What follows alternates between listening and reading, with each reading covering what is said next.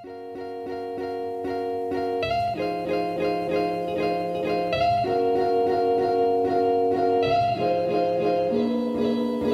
kuulate investeerimisklubi podcasti, kõik on hästi, pea püsti, sõidad, kuulad seda bitti silmistu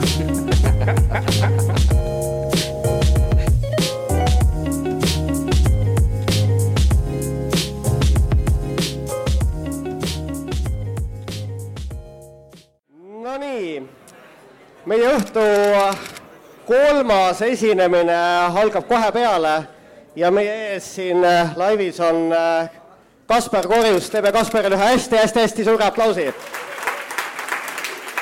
et Kaspar oma tiheda ajagraafiku juures on äh, meiega täna õhtul liitunud ja Kaspar on siis Eesti e-residentsuse projekti eestvedaja ja ka Estcoini eestkõneleja Kaspar on äh, Forbes Eesti poolt kahe tuhande viieteistkümnendal aastal nimetatud number üks nooreks talendiks äh, finants- ja IT-tehnoloogia valdkonnas.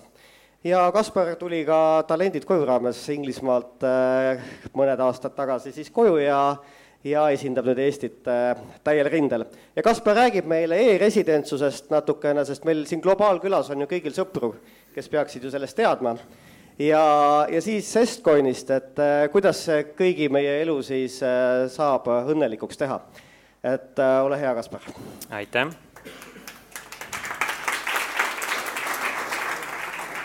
aitäh, ma ei tea, me eesti keeles räägime, nii et mul on inglise keeles slaidid. aitäh, et vastu pead nii hilja, kell üheksa õhtul kuulad krüptost. midagi peab viga meil olema. aga teema on põnev ja proovin siis näidet tuua, et kuidas tulevikuriike mõjutab krüptovaldkond nii negatiivselt kui positiivselt ja mis nagu Eesti riigina me peaksime või mitte, mitte ei peaks tegema. ja hakkasin e-residentsust vedama siis kolm aastat tagasi, algul oli ta mul stipendium, kui ma tulin, tulin Eestisse ja siis see kasvas ja kasvas ja nüüd on meil siis neljateistkümneliikmeline tiim ja uuel aastal kahekümne ühe liikmeline tiim ja ja natukene paari minutiga sellest, aga võib-olla see ei ole täna see kõige tähtsam asi. aga rääkides üldiselt riikidest, järgmised viisteist, kakskümmend minutit, eh, pidage vastu. Eh, kuna kuulsin, et meil on nii palju aega, siis, eh, siis lubage natukene ajalukku minna, et saada aru, kuhu Eesti riik tulevikus läheb. võtame seda väikest telge, siit kui telge, et kui on mitmed miljonid aastad inimkond elas niisuguseid kui hunters, right, ja väikestes kogukondades liikus ringi kui nomaadid, küttisid, elasid ära, osad väidavad, olid päris õnnelikud. ainult kaksteist tuhat aastat tagasi tuli põllumajanduse revolutsioon, eks. kaksteist tuhat aastat tagasi ainult, selle ajaperioodiga. ja siis oli meil domesticated animals, siis oli meil, saime juba pikemalt elada tegime lapsi rohkem, olid meil niisugused saja-kahesaja liikmelised grupid. ja kui vaadata, siis tööstusrevolutsioon hakkas nelisada või nii ligikaudset aastat tagasi ainult, eks. et kui, kui värske on tööstusrevolutsioon ja koos tööstusrevolutsiooniga siis ka riik kui selline. ehk et riik kui selline on meil tegelikult ju mõnisada aasta vana ja esimene point mul ongi see, et me ei mõtleks, et riik absoluutselt jääb selliseks, sest on nii suur transformation periood praegu meil olnud, et ta, et ta muutub täiesti. ja mis on riigi sünniga, on nagu probleemiks, on see, et et väga palju sellest sõltub, kuhu riiki me sünnime, milline on meie elukvaliteet, see on riigi piir kahe eri riigi vahel.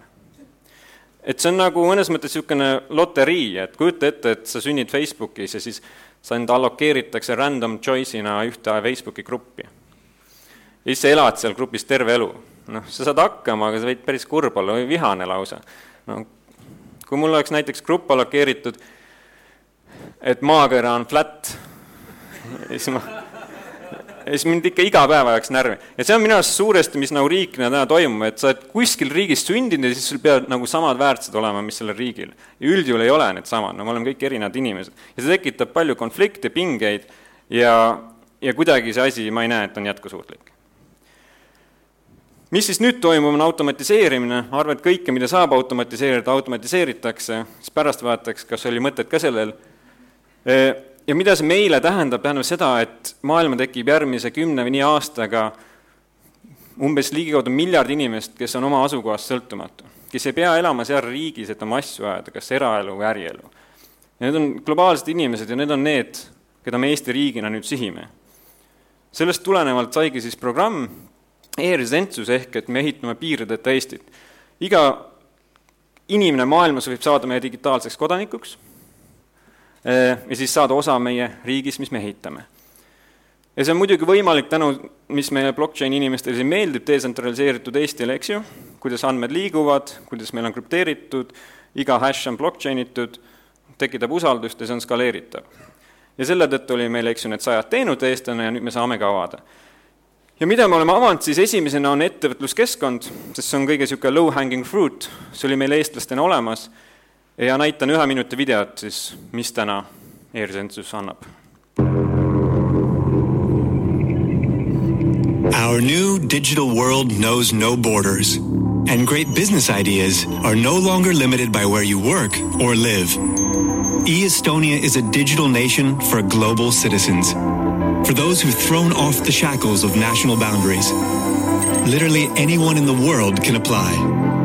E-residency is legitimate and transparent. A government-issued digital identity that gives you the freedom to run a global EU company online from anywhere in the world. Establish a company within a day. Access business banking.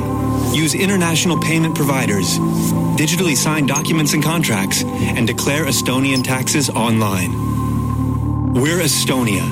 Tech is our expertise. And through e-residency, we are empowering entrepreneurs everywhere. No matter where you were born, no matter what passport you carry, you can apply. Use e-residency to run your business from anywhere in the world. Unleash your entrepreneurial potential because no business should be bound by physical borders. Apply for e-residency today and join our new digital nation. e-resident.gov.ee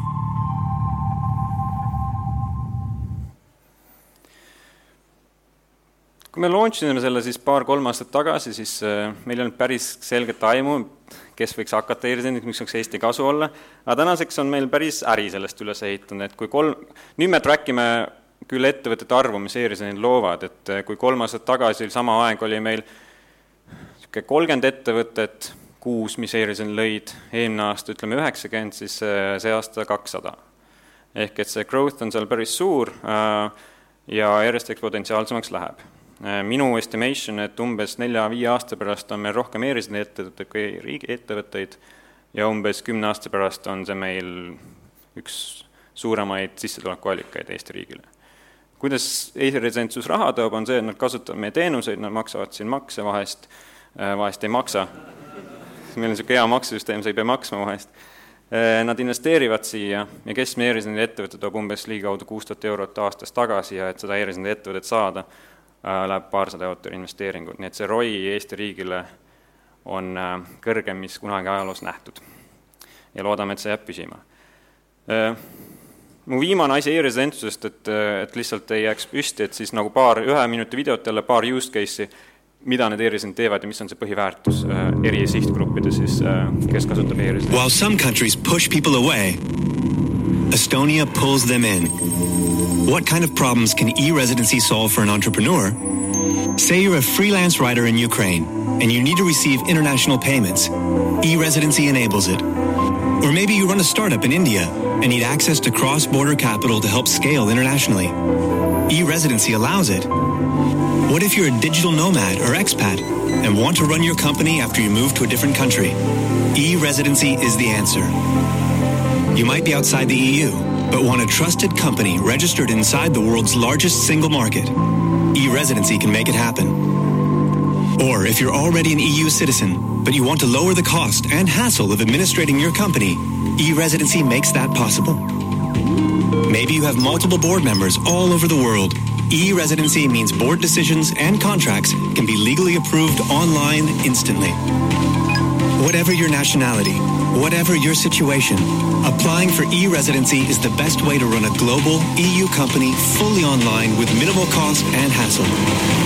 Apply for e-residency today and join our new digital nation. kuidas siis põhiasi, see financial inclusion enne mainiti ka on probleem, mainis, et Aafrikas seitsekümmend protsenti ei saa, et maailmas jah, World Banki andmetel on seitsekümmend kolm protsenti inimesi, kes ei saa rahvusvahelist äri ajada. kui sa oled Türgist, Indiast, Ukrainast, sa ei saa oma mis iganes klaase või tooteid beebidel müüa, sa ei saa välisvaluutat vastu võtta. see on nagu väga suur esimene niisugune gain, et sa saad nüüd e-residentsusega ettevõtte Euroopa Liidus, saad PayPali, saad oma asju rahvusvaheliselt müüa ja väga mugavalt teha peale selle Euroopa Liidu ja kõige muu. nii et jah, see on see, millega tegeleme ja mille pärast nagu on ÜRO-d ja teised meil partnerid, et äh, see päriselt aitab financial inclusion'i. aga see on äh, selles mõttes, et e-residentsuse kui esimene toode niisugune äh,, et tegelikult äh, me ehitame, nagu enne mainisin, kogu või noh, mis me proovime tiimina, me üritame kogu Eesti riiki borderless riigiks, noh, et iga maailma inimene saaks kogu meie teenused rahvusvaheliselt tarbida ja me näeme, et eri riigid tulevad järgi, et juba Aserbaidžaan kopeeris meie veebi ja tuli välja e-residentsusega.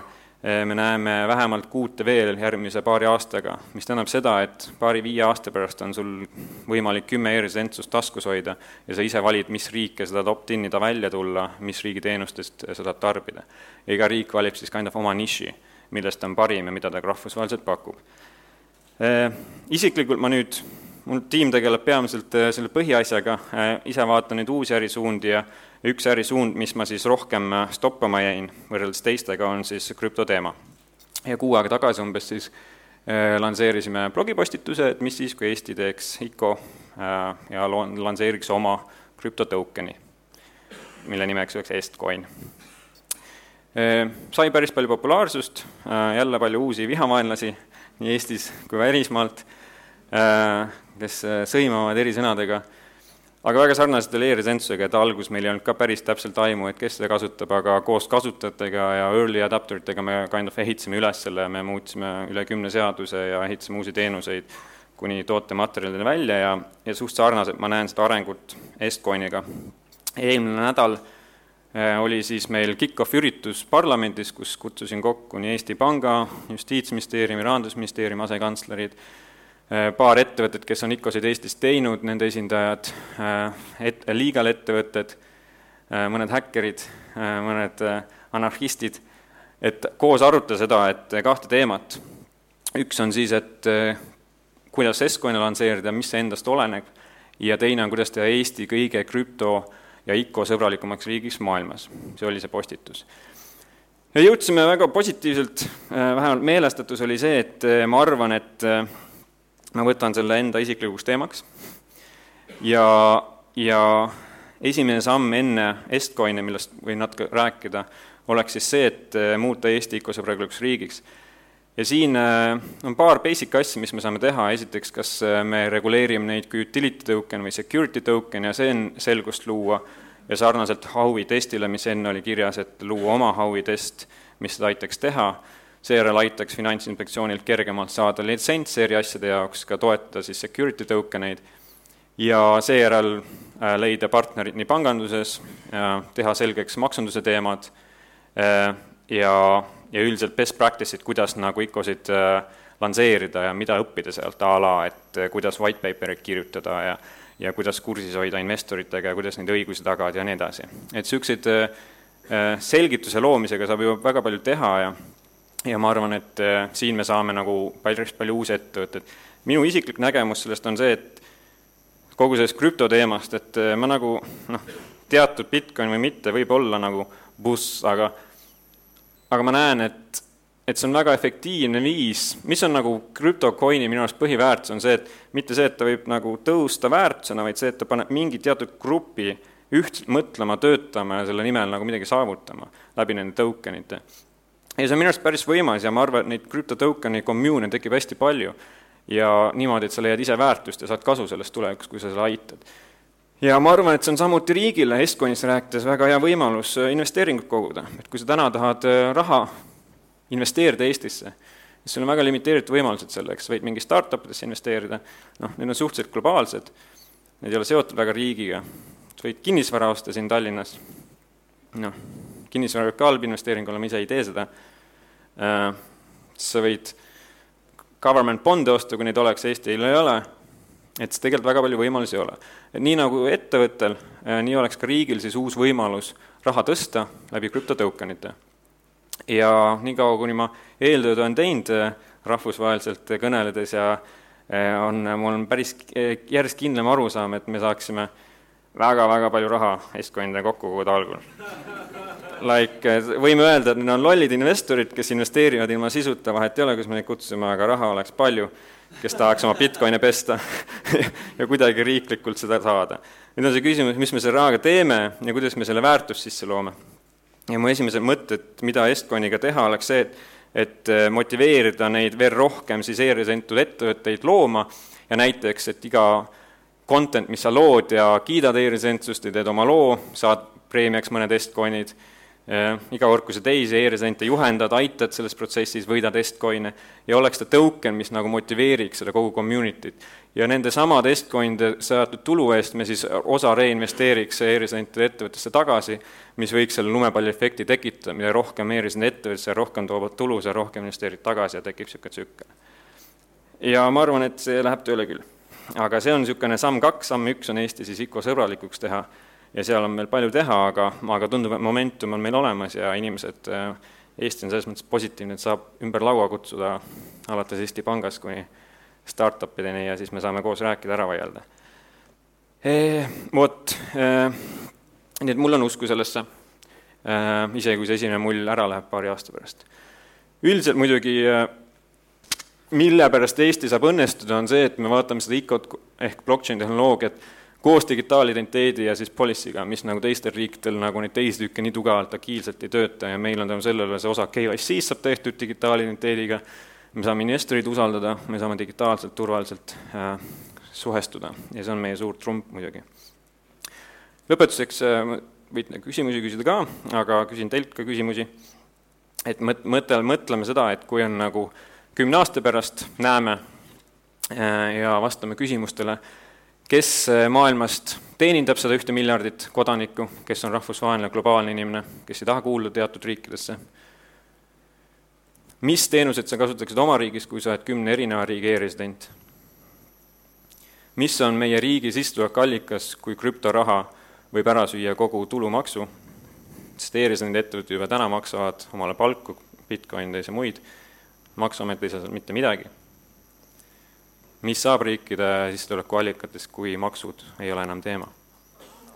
mis saab riikidega, kes hakkavad scale ima, ütleme tuhat protsenti GDP growth per year? kui üks Fidži saar või Eesti-sugune teeks ICO-sid või muul moel e-residentsi, ütleme, ettevõtte arv läheb järjest skaleerima, siis meie suurus ei sõltu enam sellest, kui palju inimesi meil siia sünnib, meil suurus sõltub sellest, kui palju meil kliente on, kliente rahvusvaheliselt võib saada Saksamaa, Eesti või USA täpselt sama palju, kellel on ainult parem toode. ja siin see võib hüppelisse minna. ja mis juhtub nende riikidega, kes ei leia oma rolli siin uues maailmas ja kes ei suuda midagi uut väärtust pakkuda? vot, küsimusi, aitäh!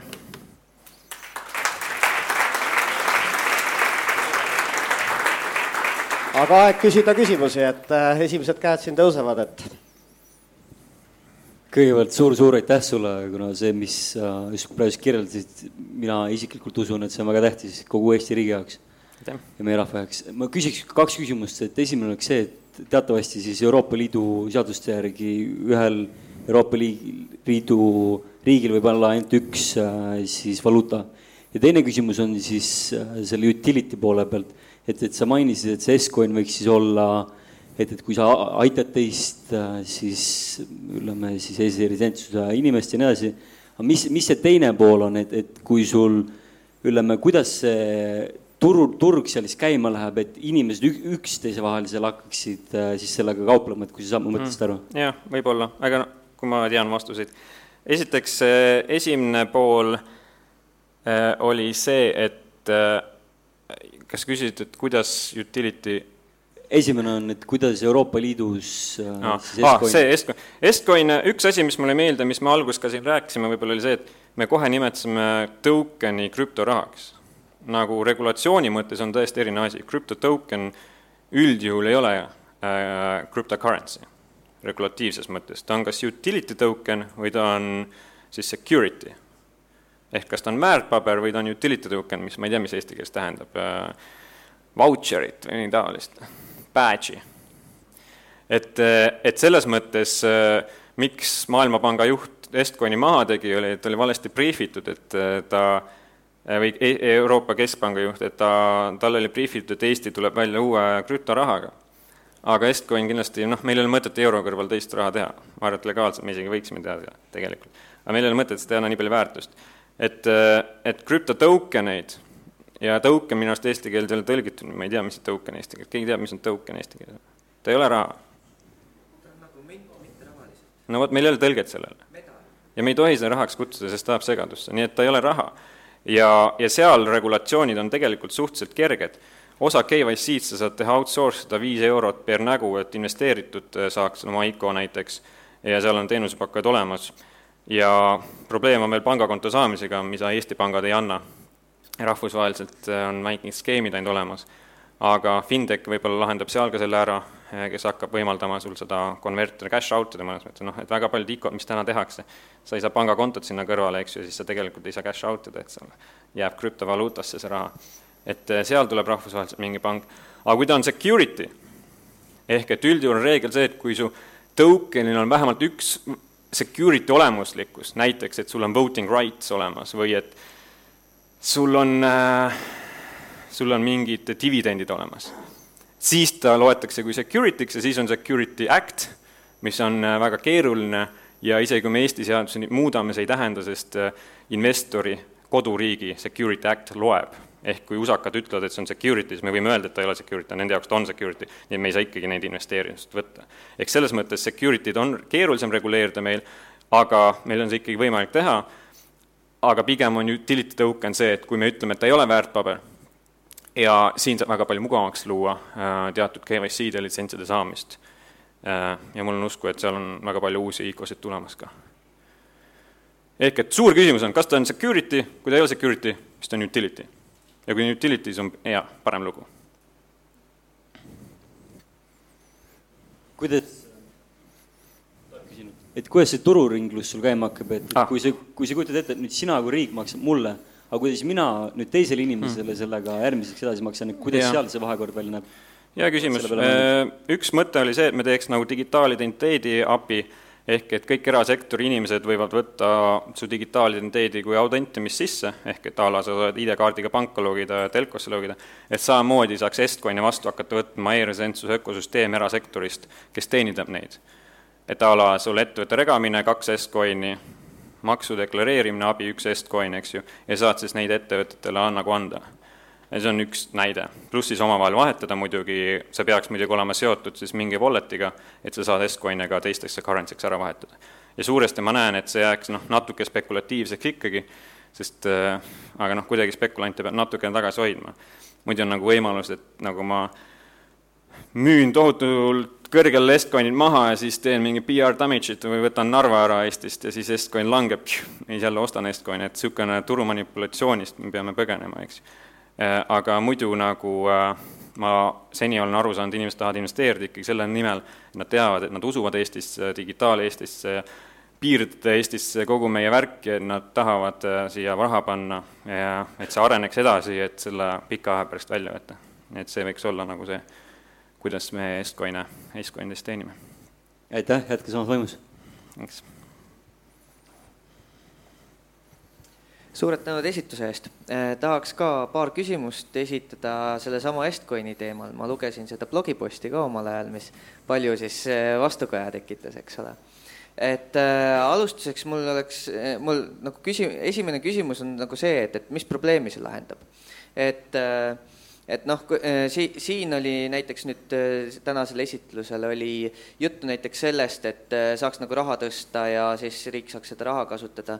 Eesti riik saaks isegi ei ütleks nullilähedase, vaid negatiivse lähedase intressiga ilmselt laenu, sest laenu, laen, laenukoormus hetkel lihtsalt on olematu et äh, ilmselgelt äh, seda raha ei ole riigil vaja või isegi kui tal oleks seda mm. vaja, siis otsustajad ei oska ära otsustada, kuhu seda tegelikult panna. et äh, muidu oleks need laenud ka ju ära äkki võetud. ma et, esiteks mis... ütleks, et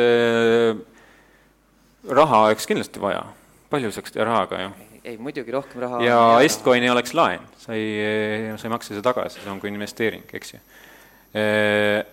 ja teine asi on see, et ma arvan, see kogu lean startup fenomen, startup'i buss, natuke käib mulle sellepärast närvi, et väga palju on see problem solution fit ja product market fit ja otsime hullult probleemi, mida lahendada, aga kõige suuremad asjad ei teki seal, kus on probleem, vaid mis annavad uue võimaluse e. E-residentsus ei läinud sellepärast, et kuskil on mingi probleem, mida lahendada.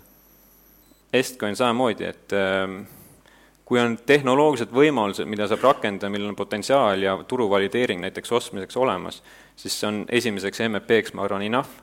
Ja, ja aga kui nagu tahta sinna hullult probleemi ette tekitada, siis on minu jaoks see, et suur pilt, et riigid ei ole jätkusuutlikud. riigid peavad, kui me rääkisime enne sellest, et eh, mis asju disrupt itakse, pangad olid siin üks pilt, ma arvan, et kõige eba, ebaefektiivsem asi maailmas on riik. noh, riik ei saa olla jätkusuutlik, see on täielik bürokraatia meil tuleb selline vananemine, me ei kujuta ette, kuidas me nagu üldse hakkame, noh, täna on näha graafikast, me ei saa enam samamoodi jätkata, noh. riik peab täielikult flat'iks muutuma, väga paljud middleman'id, riigiametnikud peavad lihtsalt välja lõikama, kas on läbi smart contract'i või läbi krüptotokenite või kuidagi läbi, noh, see ai peab sinna üles ehituma, mis seda efektiivseks hoiab ja, ja et seda teha, siis tokenid on nagu ideaalne viis, meetod, see tööriist, kuidas väärtust vahetada, energiat anda või kuidagi motiveerida inimesi selleks tegema. et, äh, et selles mõttes tokenitesse on mul nagu usku, panna üks kogukond ühtselt tegutsema millegi nimel kui meil on esi, e-residentsus olemas ja mul on kõrvuti olemas võimalus eh, mingid e-tokenid osta versus ma saan eh, päriselt nii börsil kui ka lihtsalt OÜ-de ja aktsiaseltside osalust hankida, kuna ma olen e-resident näiteks. et äh, miks ma peaksin Estcoini eelistama, et ma, ma mm -hmm. nagu ei näe, kus, kuhu ta mahub? Point on see, et kuidas nagu riiki vaata. vaata riiki kui teenusepakkujat. ütleme, et kui Eesti riik pakub teenust erinevat teenust, on see e-tervis, on see ettevõtte asutamine, juhtimine või muud teenust, siis riigi, minu mõistes on ükskord see era- ja avalik sektori piir kaob täiesti ära. Et sa, eri riigid pakuvad eri teenuseid, sa subscribe'id kuhugi riiki, kuutasuselt sa subscribe'id tagasi ja sa saad eri asju kasutada. et samamoodi, et sul ei ole vahet, sa võid uskuda erasektori ettevõttesse, kus te, kes teeb IPO, sinna investeerida, aga kui sa usud, et see riik saavutab parema return'i, siis sa investeerid riiki. noh, et, et samamoodi on sul lihtsalt üks riik, kes võimaldab sul nagu seda teha läbi krüptotokenite paremini, sest täna, ütleme, sa ei saa riiki investeerida, nagu ma ütlesin. et täna on meil fänne rahvusvaheliselt, kes nagu alates meil mainiti siin Draperitest kuni Euretsoni asjadeni, kes on öelnud, et reaalselt nagu noh, mitte küll päris paberraha käes, aga ma tahan teisse raha anda. ja siis täna ma ütlen, et sorry, et ma ei tea, osta Tallinnasse korter et, et noh, äh, riik ei saa investeerida, aga ma ei saa ju nendesse startup idesse ka investeerida, kes raha ei tõsta või kellel ei ole ideed, et äh, üldse oleks vaja raha tõsta. et, et siin nagu tekibki see küsimus, et äh, miks me seda raha tõstame nii-öelda. et mi, hea küsimus. mida, mida, mina väidan, et meil oleks räiget raha vaja meil oleks raha vaja kogu seadusandlus ümber töötada, kogu tehniline platvorm skaleeritavaks teha, kõik uued teenused ehitada, mis on Eestis puudulikud, kakskümmend aastat vanad, alates eesti.ee-st, Maksuametist, RIK-ist, ma ei tea, ütle üks teenus, mis on meil uuendusmeelne, meil on hea kasutuskogemus teatud autoregistrid, teatud asjadega, point on see, et meil on kogu digiühiskond ka jalgu jäänud, noh, et see, et mida rahaga teha, peale selle, me reinvesteerime neisse samasse ettevõttesse, ma arvan, et seal on väga palju võimalusi et kui muidugi probleem on see, kui me peaksime tõesti nelikümmend miljardit saama ICO-st, siis me tõesti ei oskaks selle midagi teha ja seda tuleks apolitiseerida, et poliitikud seda kätte ei saaks. aga see on see Norra fond, et tuleb Norra fond või Singapuri PPP, et seal on võimalusi, kuidas niisugust rahakogust hakata haldama, aga noh, eri riikidelt saab ju näitada, et aitäh, on teistel ka küsimusi? ja mul on,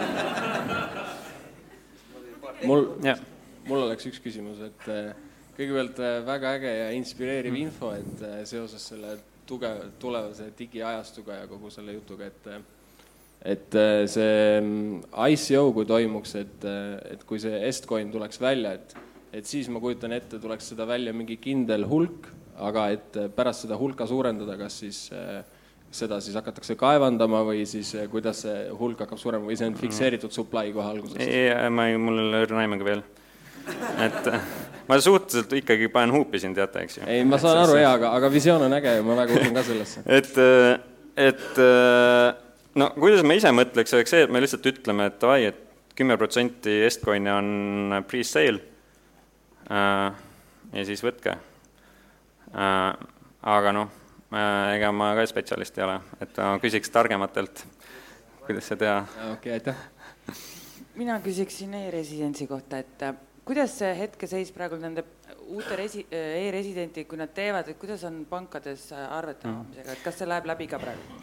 eelmine kuu oli siis umbes ligikaudu kakssada ettevõtet, mis e-resident lõid ja üle poole nendest ehk üle saja oli siis juba fintech teenusepakkujatega nagu Holvi ja Transferwise. ja tegelikult enamus e-residente, nagu te use case nägite, siis nad ei vaja enam traditsioonilist panka väga tihti, nad vajavad lihtsalt kaarti, millega saab sissemaksete ja väljamaksete ja PayPali avada ja neid saab remotely avada siis äh, täna e-resident. okei okay,, sellest ma saan aru, et äh, nad kasutavad neid alternatiivseid teenuseid, aga kas pangast on reaalselt ka nagu vastuseisu?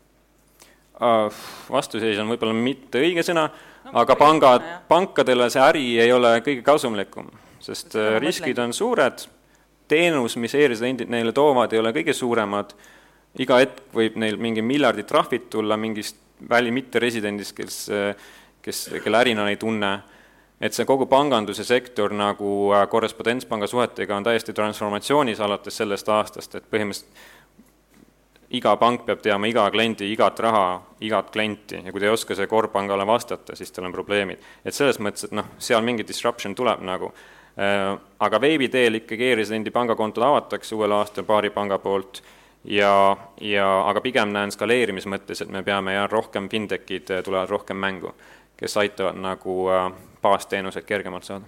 teine küsimus on selle e-residendi kohta, et, et ma saan aru, et millegipärast see ju selles mõttes loodi, et et on ju selge, et inimesed ei tule siia e-residentsi sellepärast tegema, et äh, riigile hästi palju maksu maksta. et äh, ega kuna meil on ka tulumaks null, on ju, siis täna me ei saa ju pahased olla nende peale, kui nad meile väga palju maksu siia ei too. ja ma olen täiesti nõus, ma arvan, maksundus on üldse nagu vale perspektiiv selles mõttes, üldse võtta rii-, ettevõtte tulu ära nagu, kui ta teenib seda ei ole nagu ratsionaalne tegelikult. et ma arvan, et see maksunduse süsteem üldse muutub, Eesti on selles mõttes, et isegi väga positiivne, et ta ei maksusta siis, eks ju, kui sa reinvesteerid oma tulud, mis teised riigid teed, et sa esimene aasta teed hullult investeeringuid või saad kasumit, siis maksa, maksa ära, tegelikult sul on järgmine aasta hullult investeeringuid ja siis sa maksad makse sellest, kuigi sa oled kahjumlik ettevõte. et seda õnneks Eestis ei ole, aga aga maksundus üldiselt eh, täna äh, meie NPV analüüsis, mida me realiseerime, tuleme turule kahe nädala pärast Deloitte poolt tehtud uuringuga, on maksundus väike osa e-residentse kogutulust Eesti riigile nagu, et seal on investeeringud, teenuse kasutamised ja sekundaarne niisugune äh, turukasutus väga palju suurem kui maksundus. ja seal ei olegi meil kunagi lootust, sest me ei saa skaleerida väga suureks niimoodi, et võttes teiste riikide makse ka ära, et peame niisugused ikkagi paipoisid olema, et äh, miks ma nagu seda üldse räägin, on sellepärast, et äh, kui ma lugesin ajakirjandusest, et ERR mm, ühesõnaga ajakirjanduse poolt, et e-residentse firma teenis nii palju kasumit, aga tegelikult see on ebareaalne ja tehti sellest nii-öelda skandaal.